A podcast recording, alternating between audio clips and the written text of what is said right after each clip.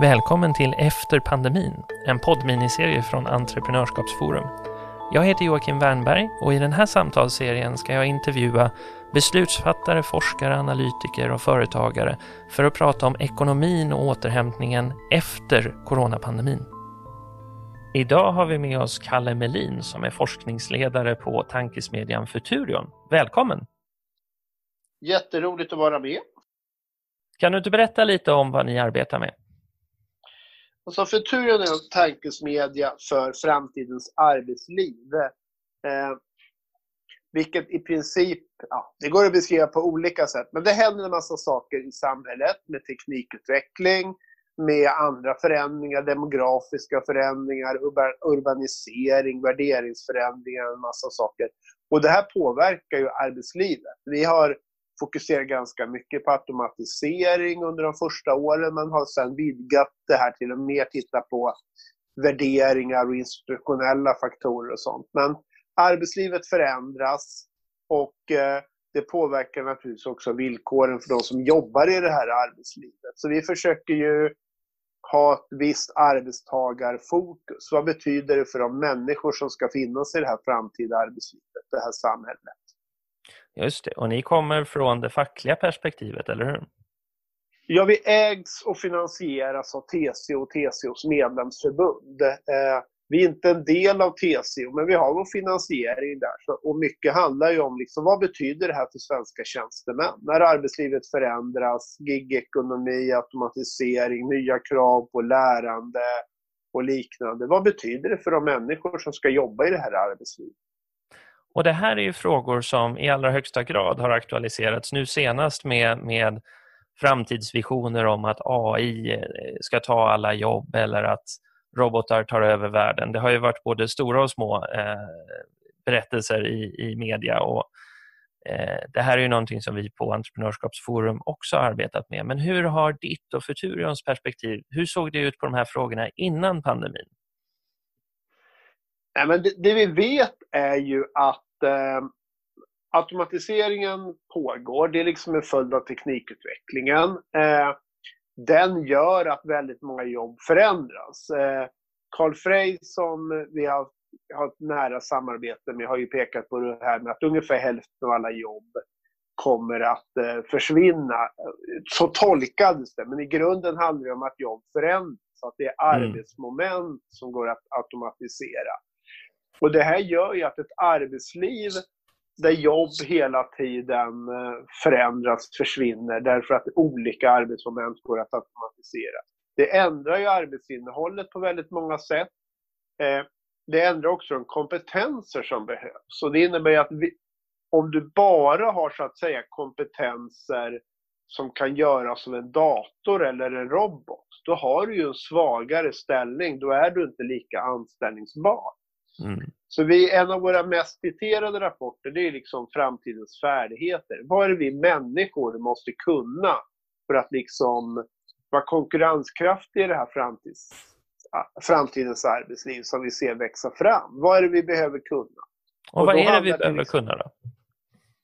Ja, alltså det finns vi har ju fortfarande som människor en del fördelar. Vi är bättre på att förstå andra människor. Vi är mer kreativa, vi är mer sociala. Eh, man kan säga att eh, arbetsuppgifter som kräver interaktion med andra människor och kreativitet. Eh, där kommer vi människor i alla fall under de närmsta decennierna att vara överlägsna. Eh, vi har också lite lättare att anpassa oss. Alltså, eh, men det, skälet till att människor har klarat sig så mycket bättre än andra däggdjur är vår resiliens, vår förmåga att anpassa oss och förändra oss. Och den egenskapen kommer vara ännu viktigare i framtiden. Eh, för några år sedan pratade man mycket om det här med grit. Det viktigaste för den som jobbar var egentligen förmågan att kunna bita ihop och jobba hårt. Mm. Och det är klart att det är viktigt. Men resiliens, att kunna anpassa sig, att kunna ta de kunskaper och färdigheter man har men applicera dem på nya förhållanden, nya arbetsuppgifter. Det kommer att vara väldigt viktigt. Eh, det finns en, ja, en till sak som man många glömmer bort och inte tänker på. Det är fingerfärdighet och det hänger ihop lite grann med det där. Eh, du kan förmodligen ta den mest avancerade bilen i världen och låta den sättas ihop av en robot. Men du kan inte använda en robot för att byta ett vattenlås under hon i ditt kök. För då måste du kunna skruva och krypa och fixa. Så det finns mycket sådana här arbetsuppgifter som måste göras på plats med fingerfärdighet. Där är vi mm. människor också överlägsna. Om man, om man eh, för en sekund bortser från, jag, jag instämmer med att det har varit en stor fråga, vilka är arbetsuppgifterna som vi människor är överlägsna i?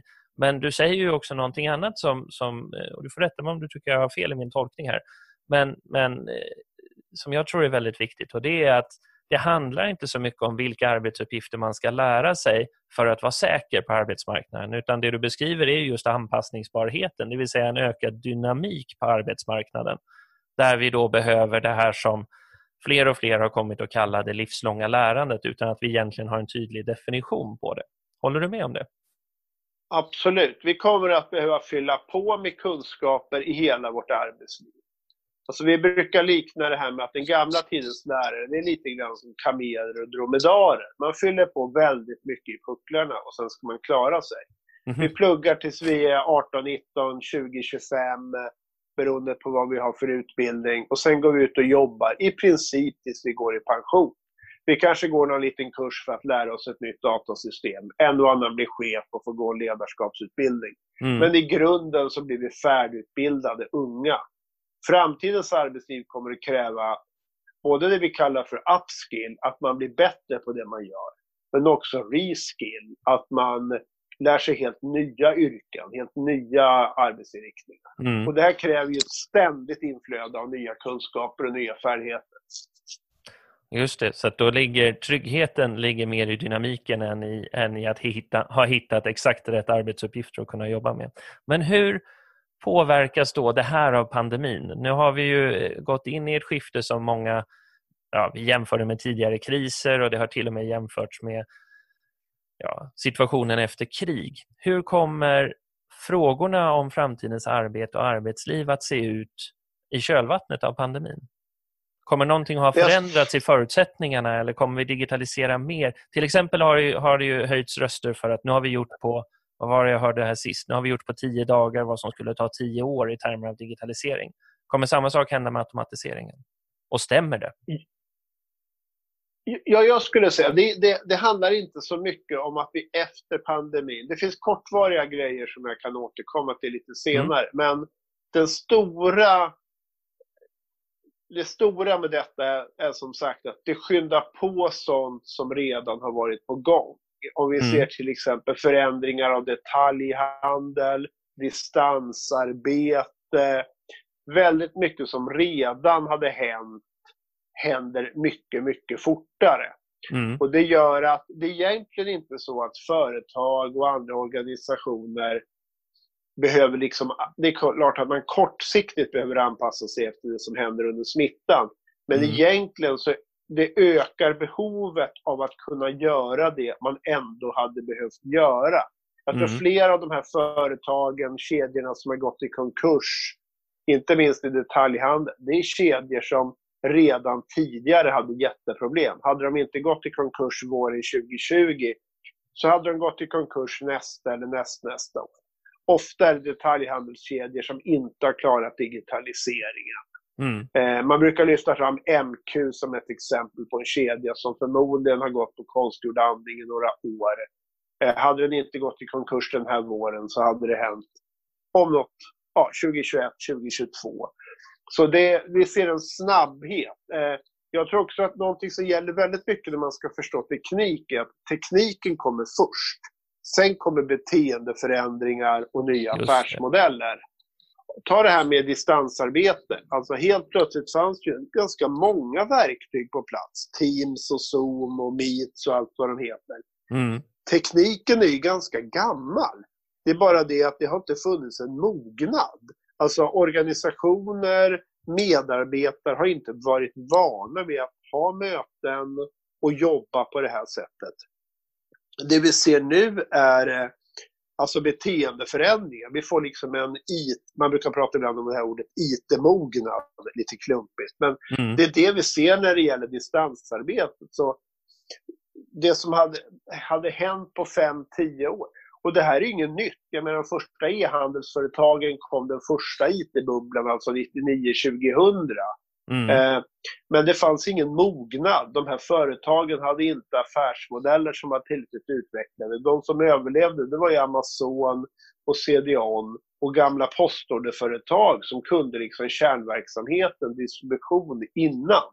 Just det. Eh, eh, det som händer sen är då att liksom beteendeförändringar, människor handlar på nätet och så vidare. Och nu ser vi det när det gäller distansarbete.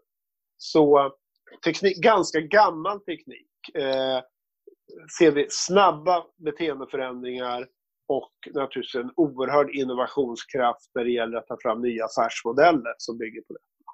Men då eh, är det ju också så att då har det egentligen inte blivit enklare att ta sig an de här frågorna än vad det var innan, utan tvärtom så har man nu tvingats in i vad som är i stort sett ett, ett storskaligt experiment. Man har ju satt traditionella beteenden på paus och då har man varit tvungen att ersätta dem med ett substitut. Men när vi sen kommer tillbaka och startar upp alla rutiner och institutioner och så som de ja, brukade fungera, även om det är ett nytt normaltillstånd i ekonomin, så, så eh, kommer ju någon typ av återgång. Då uppstår det en friktion mellan det här man har provat på och det gamla. Kommer det bli Absolut. svårare att ta sig an automatisering eller förändrade sätt att bygga nya affärsmodeller eller för all del på samhällsnivå, hur vi förhåller oss till framtidens arbete? Det kommer säkert att vara en kort period då man liksom ska försöka hitta tillbaks till någon slags normalläge. Mm. Men eh, långsiktigt så tror jag inte att detta gör något annat. Utan ett antal snabba kliv. Möjligtvis så är det så att hade det här skett över längre tid så hade andra system eh, haft lättare att hänga med. Jag menar, mm. Det är mm. klart att eh, eh ökat distansarbete ställer en massa nya krav både på arbetsgivare och inte minst fackliga organisationer när det gäller liksom hur säkrar man en bra både fysisk och psykisk arbetsmiljö när människor jobbar i hemmet. Alltså det finns en massa saker mm, mm. där vi inte har system och verktyg idag. Där kommer vi att liksom lagga och behöva jobba med hade det här hänt under tio år istället för under tre månader, ja men då mm. hade det där funnits på plats. Nu kommer det behöva liksom ske en komma ikapp-fas på många områden. Men på det stora hela, nej det här snabbar nog bara på. Eller snarare det som hade hänt hände fortare. Det sätter fingret på saker som fanns där hela tiden. Det är ju som du säger, arbetsmiljöregler har ju funnits här hela tiden och folk har jobbat hemifrån även om inte alla har gjort det. Eh, så det är ju ett problem ja. som har funnits där men det har inte varit tillräckligt stort för att man ska ta tag i det kanske. Ja. Nej, det finns ju andra grejer där. Vi har ju till exempel sett hur kontorsarbetsplatser har förändrats under lång tid. Alltså, mm. för 20 år sedan så var standard att en, en svensk kontorstjänsteman hade ett eget arbetsrum. Mm. Eh, sen med olika argument om kreativitet och samordning och flexibilitet så skapade man kontorslandskap och senare såna aktivitetsbaserade arbetsplatser. Eh, I grunden handlar ju detta om att spara pengar, även om man försöker säga att det snarare handlade om kreativitet och flexibilitet. Men i grunden handlar det om att arbetsgivarna ville ha lägre lokalkostnader. Eh, om det här skulle kunna bli nästa om, om fler och fler arbetsgivare tänker att vi behöver inte ha lika mycket yta, för en så här stor andel av våra arbetstagare kommer istället att jobba hemifrån. Och då blir det också en diskussion är det arbetsgivaren som ska få hela den här besparingen? Eller kan man tycka att till exempel de som faktiskt jobbar hemma i sin bostad ska kunna få en del av den i form av löneutveckling eller ja, någon slags bidrag till hemmaarbetsplatsen eller något. Så det är diskussioner vi egentligen inte har haft tidigare. Men det är klart beskriver de... du ju en, en, flexibilitet också som innebär... Jag är ingen vän av öppna kontorslandskap. Jag blir inte särskilt kreativ i dem. Men i en situation där jag hade jobbat på en arbetsplats med öppet landskap och hade möjligheten att sitta hemma eller sitta på ett café eller bibliotek när jag behöver skriva till exempel, så hade ju det inneburit en effektivitetshöjning av hur jag kan organisera mitt arbete. Så att det ökar väl eh, frihetsgraderna för att organisera arbetsplatser där folk har olika behov också.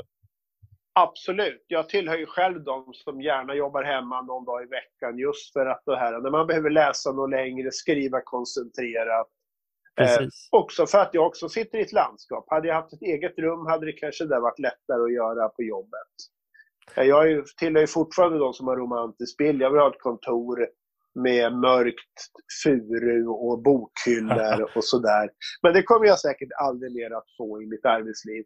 Eh, då kan jag inreda det hemma istället, även om det är väl i realiteten ett allmänt livspusselkaos med barn och pizzakartonger och grejer. Men eh, eh, jag tror att eh, när man jobbade hemma någon dag då och då, och det snarare var så att det här var en ynnest för arbetstagaren. Mm. Du fick jobba hemma för att arbetsgivaren var snäll och lät dig. Eh, då är det där lättare att hantera. Då har du svårt att ställa krav. Men om arbetsgivaren så att säga tar bort en tredjedel av eh, lokalytan mm. för att kunna spara pengar på hyra i Stockholms innerstad och förväntar sig att man jobbar hemma. Alltså då ska du ju också som arbetstagare tycker jag kunna ställa krav. Alltså då ska arbetsgivaren kanske stå för en del av din boendekostnad. De ska se till att du har ett höj och sänkbart skrivbord, en bra kontorsstol och vad man nu behöver för att kunna jobba bra. Alltså det är inget dåligt för ryggen att sitta i soffan hemma och jobba en dag i veckan. Men gör du det tre dagar i veckan, då är det helt plötsligt ett arbetsmiljöproblem. Det här är ju onekligen någonting som kommer påverka de ganska eh, övergripande regler för arbetsmiljö som finns idag. Men om vi, vi låt oss zooma ut lite. Eh, ja. Du nämnde gigekonomi här tidigare eh, och vi har ju tidigare intervjuat Tobias Borserud som är VD på App Jobs Institute eh, om gigekonomin under och efter pandemin. Vad tror du, kommer gigekonomin fungera, ha en buffrande effekt på arbetsmarknaden efter? När vi nu har många människor som söker sig till nya jobb eller för all del redan innan pandemin hade vi många som stod långt ifrån arbetsmarknaden. Kommer gigekonomin fylla en ny roll Eh, på svensk arbetsmarknad i framtiden? Eller är den fortsatt ett perifert fenomen? Jag tror att eh, gigekonomin i form av eh, digitala plattformar mm. som för ihop köpare och säljare av olika tjänster och även för den delen även varor. Den är här för att stanna. Jag tror att många storföretag kommer att jobba med hur integrerar man plattformsekonomin Däremot gigekonomin i form av att du har liksom en annan typ av anställningar. Det mm. tror jag ändå att det kommer vara relativt perifert. Därför att vi vet att de flesta människor vill ha ett sammanhang där man finns. Man vill ha en anställning. Och jag tror att vi under perioder med låg arbetslöshet eh, och vi ser ju ändå när vi tittar på demografin och sånt där att det är snarare mm. så att vi kommer att ha kompetensbrist. Då kommer människor att vilja ha trygga anställningar.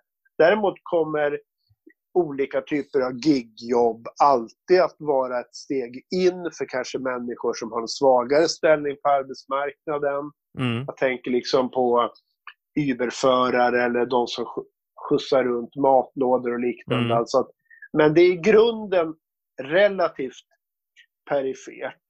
Mm. Eh, men tänk... däremot som digital verkplattformen, alltså mm. den typen av... Det kom, den tekniken Förmågan att matcha, ja. att matcha kompetens och uppdrag. Eller ja. kompetens och problem som behöver lösas. Ja, men Jag... Amazon och CDON är ju egentligen plattformar. Det, oh, ja. Där det nu är ja, på ett helt annat sätt än vad man kanske alla är medvetna om. Ja, det där är, är eh, språket runt, runt plattformsekonomier, eh, delningsekonomier och gigekonomier eh, tarvar ett helt eget, en helt egen diskussion ja. tror jag. Men eh, eh, låt oss återkomma till det någon gång. Men, ja, men eh, ja. jag tänker på det du sa tidigare då om att dynamiken blir viktig för att skapa trygghet på framtidens arbetsmarknad. Är det inte också möjligt, för om människor söker trygghet, och jag ställde samma fråga till Tobias, eh, lite eh, from top of mind så, är det inte möjligt att det är tryggare på framtidens arbetsmarknad att ha flera chefer istället för en? Och är det inte möjligt att man skapar det här sammanhanget som du säger? För det tror jag är väldigt viktigt, alldeles oaktat om det är ett öppet kontorslandskap eller eh, eller klassiska kontor. Eh, att man skapar de sammanhangen med folk som också har flera chefer. Eller att man har flera sammanhang man rör sig mellan. Är det en, är det en färdig fråga eller är det en öppen fråga? Jag tror att det där är en öppen fråga. Jag tror att väldigt många av oss i praktiken har, även med fasta anställningar i praktiken, har många chefer. Men, mm, ja, det är sant. ja, men eh, när det gäller, jag tror att det vi kan se i gigekonomin, vilket, alltså gigekonomin exploderade ju framförallt i USA efter finanskrisen. Jag tror det är jätteviktigt att om man ska förstå den sektorn innan vi liksom, om man ska parkera den diskussionen, ja. så är den egentligen tudelad. Det var en grupp av giggare som är de här som kanske jättegärna har många olika chefer. Det är mm. föreläsare, det är specialister, det är styrelseproffs, det är folk som går in och gör en ja, programmerar något eller liknande. Människor som har en ganska stark ställning på arbetsmarknaden. Mm. Där giggandet gör det möjligt att få jobba med det man är bäst på och där man har, man har en så stark position så man kan säga nej till de chefer man inte vill ha. Mm. Den typen av giggande som egentligen alltid har funnits bland typ advokater och rådgivare och sånt men som sen har liksom blivit vanligare även liksom inom techjobb och sånt. Och ofta Den kommer förekommer alltid... i slutet av karriären kan man säga också, när ja, man har ett etablerat ja. nätverk. Och... Ja. Absolut, de kommer att finnas. Men sen har man den här med konjunkturberoende giggandet. Och eh, den tror jag kan gå upp på grund av att vi kommer att ha arbetslöshet. Men den, den, den, går, den är ganska kontracyklisk. Alltså att, eh, när det är stor arbetslöshet, då kommer folk att ta gigjobb, typ cykla med matlådor lite förenklat. Eh, eller köra taxi för Uber som är vanligt, inte så mycket i Sverige, men i många andra mm, mm. länder. Mm. därför att det är det enda sättet att få en försörjning. Mm. Men när arbetslösheten går ner så vill man hellre ha ett, ha ett fast jobb hos en vanlig arbetsgivare. Så jag tror att många, när man såg den där explosionen av gigekonomin kring 2010 i USA, så var det snarare en reaktion på finanskrisen och den mm. recession mm. som följde än det att folk helt plötsligt tyckte det var jättekul att inte ha anställningstrygghet. Och jag tror att det är sådär man ska se eh, det. För den här första gruppen, den här elitgiggarna eller vad vi kallar dem för, då är giggandet ett aktivt positivt val. För mm. den andra gruppen är ett negativt val. När man inte får det fasta, trygga jobbet, då tvingas man gigga för att försörja sig. Och det är klart att i länder där det inte finns fungerande arbetslöshetsersättning och sånt, så kommer det, det vara ännu starkare än vad det är till exempel i Sverige. Det gäller ju andra på ett sätt hade man ju också kunnat se dem som företagare snarare än anställda utan eh, anställningsskydd. Men eh, Absolut. Det du säger då är att gigekonomin den, den är här för att stanna som en del av hela arbetsmarknaden även i Sverige. Och egentligen där det är som allra viktigast med dynamiken, det är ju där gigekonomin också kanske kan göra störst nytta eh, ur ett helhetsperspektiv genom att släppa in folk på arbetsmarknaden som hade svårt att ta sig in eller som har blivit av med sitt jobb. Där är det också viktigast att ha den här dynamiken, att det finns en social rörlighet eller att det finns en dynamik att man kan byta jobb och, och känna sig trygg i att ta sig framåt. Eh, ja, och där här... tror jag gigekonomin kommer att fungera ungefär som visstidsanställningar och VIK ofta har gjort. Alltså att det är ett första steg in i arbetslivet. Jag är nyfiken på om folk kommer att gigga vid sidan av sin anställning i framtiden också, men det är kanske någonting man får sia om eh, vid annat tillfälle. Men om vi ska försöka konkretisera det här ner till vad betyder det för, för politiker och beslutsfattare och företagsledare och, och, andra som är del i samhällsdebatten nu när vi ska närma oss slutet på pandemin förhoppningsvis. Vad är det första vi behöver ta tag i? Det, den röda tråden i vårt samtal här är ju någon sorts livslångt lärande, kompetens, social rörlighet eller dynamik på arbetsmarknaden. Var börjar vi? Vad är de, de problem vi ska ta tag i? Så jag tror att de problem vi ska ta tag i är ungefär de som fanns även innan pandemin. Eh, alltså vi har ett ökat behov av att fylla på kunskap i hela arbetslivet. Eh, vi behöver göra ett antal viktiga investeringar för att göra Sverige och svenska näringsliv och svenska arbetstagare starkare i form av klimatomställning, digital omställning och sådana insatser. Låt oss använda pandemin till detta. Just nu kommer vi att människor som i grunden har en ganska bra anställningsbarhet på lång och medellång sikt eh, kommer att gå arbetslösa. Fyll på deras kunskap. Eh, investeringar som skulle behöva göras i form av 5G-nät, eh, nya motorvägar, elektrifiering av motorvägar, nya järnvägsspår och så vidare. Klimatsmarta bostäder. Tidigare lägg detta. Det här, är, det här är investeringar som är oerhört dyra. Men mm. de är billigare i en lågkonjunktur. Och så länge vi har ett samhälle där så att säga staten bär väldigt mycket av kostnaden för arbetslöshet eh, så är det klart att, att göra den här typen av investeringar nu är väldigt klokt. Därför mm. att eh, dels är de billigare. Byggsektorn går sämre i lågkonjunktur. Det blir billigare för staten att bygga. Eh, det är dyrt att betala människor för att ta ledigt från jobbet för att studera. Låt dem därför studera när de är arbetslösa. Jag vet att det finns en del exempel på där man har utnyttjat det här korttidspermitteringssystemet till att fylla på kunskap. Mm. Eh, det skulle man kunna skala upp ytterligare. Eh, mm. Men tyvärr har vi, som vi var inne på i början, vi har ett utbildningssystem som inte har hängt med.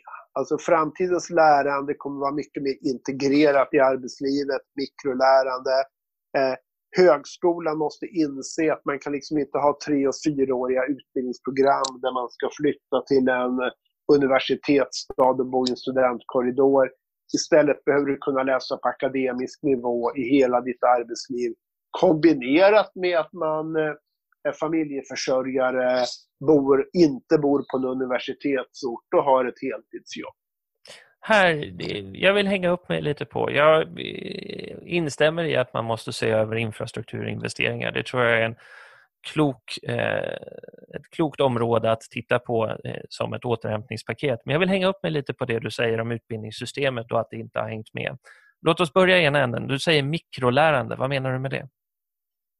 Jag tror att man behöver lära sig hela tiden på jobbet. Här finns det lite kul exempel på hur företag har liksom sagt att alla på en arbetsplats ska se samma YouTube-klipp, eh, kanske en mm. föreläsning på 15 minuter och sen ska man liksom med sina kollegor diskutera vad betyder det här för oss?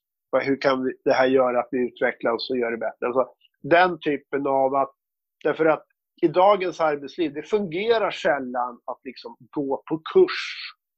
Det här med att du ska iväg två dagar från kontoret, det är inte särskilt attraktivt för i dagens arbetsliv så vet du att ja, du får ändå sitta på kvällen och jobba i kapp allt det där du missade.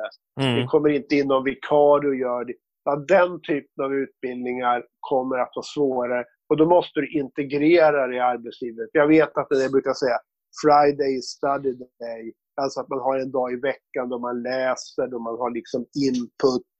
Det finns ju exempel på företag som Google och andra som liksom har integrerat det här. Eh, nu har ju inte alla företag den liksom lyxen och vinsten att man kan låta medarbetarna få, vara så fria för att fylla på kunskaper som Google. Men jag tror att man måste integrera väldigt mycket mer. Alltså att eh, det kommer också vara någonting som gör en arbetsgivare mer attraktiv. Alltså, det ser vi också när vi tittar på hur unga människor väljer jobb. Man väljer inte det jobb man vill ha just nu så mycket som man väljer det jobb som ger en den utveckling för de jobb man vill ha efter det jobbet det var ju positiva nyheter att man är så framåtblickande. Men det, jag tror det där är väldigt viktigt därför att man får ju lätt man får ju lätt intrycket av att livslångt lärande betyder bara mer av samma sak. Att, ja, har man läst på, eh, på högskola så behöver man en gång per år gå tillbaka och läsa en påbyggnadskurs så att man hänger med. Och det är ju även i linje med det argumentet tycker jag ofta man hör folk säger som, som säger då att ja, men i framtiden alla måste lära sig programmera och alla ska bli ingenjörer. Man vill egentligen bara skyffla runt folk i vilket sånt här, som du kallar det, då, stuprörsprogram eh, man hamnar i på högskolan, men systemet ser likadant ut. Det du beskriver är ju egentligen behovet av att tänka om utbildningssystemet helt och hållet. Ja, och här kan naturligtvis, kan politiker och andra göra. Idag har vi ju till exempel ett finansieringssystem för högskolan som belönar de som tar sig igenom en utbildning. Och då tänker alla kloka rektorer att vilka är det som, hur, ser man bäst till att de som börjar en kurs slutför kursen? Mm. Jo, man studerar på heltid eh, och gör inget annat. Eh, Sådana här som du eller jag som får för oss, gud vad kul det skulle vara att läsa kvartsfart, religionshistoria eller något helt annat obskyrt parallellt med att vi jobbar. För oss är det inte så viktigt att ta examen. Om det kör ihop sig med familjen eller det vanliga jobbet så prioriterar vi det. Och då är det få som går igenom den kursen och då får högskolan mindre pengar i liksom belöning. Eh, jag tror man behöver se över det här finansieringssystemet därför att jag tror att vi behöver människor som... Det behöver finnas ett kursutbud för de som vill fylla på kunskap. Till exempel läsa en kvartsfartskurs mm. på distans parallellt med arbetslivet. Eh, och där tror jag högskolorna kan göra väldigt mycket mer. Därför att det är klart, det, det där kanske man tycker är kuriosa, men mycket handlar ju om att jag tror människor i framtiden, jag, jag, tycker att staten har en roll, arbetsgivarna har en roll, facket har en roll. Men framförallt kommer individen ha ett ansvar för att vara mer anställningsbar. Mm. Eh, och då kommer man, men då måste vi också ha ett utbud där det här, där det är möjligt. Alltså den som har ett tufft heltidsjobb, familj och så vidare måste ha möjlighet att fylla på sina kunskaper. Här kan man också, jag vågar mig på utifrån min egen studietid, som förvisso är ett tag sedan nu på KTH, så minns jag att eh, det var förbjudet att följa kurser. Eller så här, man kunde inte registrera sig på en kurs eh, med den tydliga avsikten att inte tentera kursen utan man ville sitta med och lyssna. Utan då fick man smyga sig in på föreläsningarna om det var okej. Okay. Eh, till skillnad från andra länder där man då kan ha ett audit system där man sitter med för att man helt enkelt vill bredda sin kompetens men det man tenterar i andra ämnen. Så det finns väl rätt mycket man skulle kunna jobba med där. Men jag vet att du också tidigare har skrivit om valideringsfrågor. Alltså skillnaden mellan vad det står på ett papper att jag kan, eh, vad jag läste och vad jag faktiskt kan. Är det någonting ja, som, som vi kan ta tag i? Ja, jag tror att vi behöver hitta helt nya valideringssystem. Alltså, hela valideringssystemet för, för utbildningar går i princip ut på att du ska visa vad du har läst för kurs. Mm. Och väldigt lite på vad är det jag kan. Vi bryr oss väldigt mycket om hur man har fått sina kunskaper eller var man har fått sina kunskaper. Men inte så mycket om själva kunskaperna. Jag tror vi behöver ett valideringssystem som mer berättar att du inte du har en fil. kand. inriktning mot detta, utan snarare du har den här utbildningen och därför kan du de här sakerna. Och sen om du har fått, om den där utbildningen har skett genom Youtube-föreläsningar eller läsa böcker eller, eller läsa en traditionell kurs, det blir mindre viktigt. Mm. Alltså det viktiga är, eh, vi har i Sverige en enorm reserv av eh, unga människor, ofta killar, en grupp som just nu ligger efter tjejerna i arbetslivet. Som mm. är extremt bra på engelska, grafisk speldesign, de gör en massa saker hemma i sina datorer. Eh, men eh, det är ingenting som syns. Eh, vi, vi, vi gav ut en rapport som heter Gamingguiden. Som lite spekulativt men ändå tyckte jag initierat pekade på liksom, vad är det man kan lära sig i till exempel spelvärlden som faktiskt är applicerbart på arbetslivet. Eh, och där finns det exempel på till exempel de här som spelar väldigt mycket spel blir oerhört bra när det gäller muskelminne och sånt för att kunna använda typ fjärrkontroll, alltså mer eller mindre mm. intuitivt. Och sen om man då översatt det där på andra moment, att du kan till exempel om det är kirurgi eller liksom avancerad mekanik eller något, du kan föra över det där. Eh, vi, har, vi hade ett seminarium också där vi lät en kille som, varit, som både varit för, som var företagsledare där han berättade om eh, hur han varit då som här guild leader i World of Warcraft. Där han liksom, ung student, ändå fick liksom leda och administrera en ganska stor grupp olika människor. Och det handlade om att sätta upp regler, mm. eh, hur, hur beter vi oss schysst mot varann och så vidare. Så han hade ju liksom fått en gedigen ledarskapsutbildning. Och det vet både du och jag att ledarskap det är, något, det är, inget man lär sig av böcker utan det lär man sig av att, eh, behöva hantera olika situationer med andra människor. Och samtidigt är det något som företag och arbetsgivare överallt efterfrågar väldigt, väldigt mycket. Jag tycker det är intressant. Ja. Möjligtvis skrämde du några lyssnare när du sa att eh, World of Warcraft-spelare ska få eh, hantera deras kirurgi. Men, men jag förstår precis ja. vad du menar och jag tycker det, man ska dessutom kontrastera det här.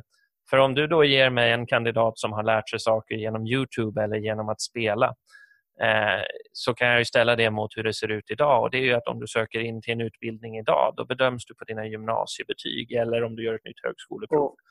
Och mm. Gymnasiebetygen är för ganska många som skulle kunna vilja skola om sig. Det är, det är ancient history. Eh, så det finns ju helt klart någonstans att börja där. Bra. Ja.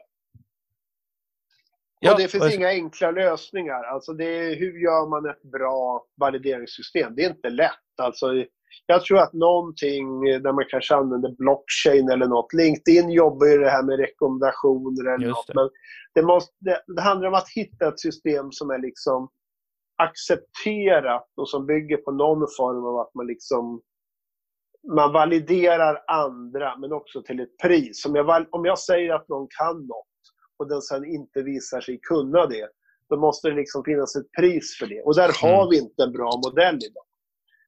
Där finns ju, eh, det finns ju delvis en läxa att hämta i eh, många av de så kallade gig eller plattformsekonomierna där man har olika typer av rekommendationssystem och eh, kan lyfta fram varandra eller ja. ge betyg till varandra efter interaktioner. Men mm. vi ska ta och avrunda där. Jag tycker att vi på bästa sätt har fler frågor med oss ut ur samtalet än vad vi hade in i samtalet. Och Det är alltid roligt. Stort tack för att du ja. tog dig tid, Kalle. Jätteroligt att vara med. Spännande frågor att prata om. Tack för att du lyssnat på det här avsnittet av Efter pandemin som är en poddminiserie från Entreprenörskapsforum.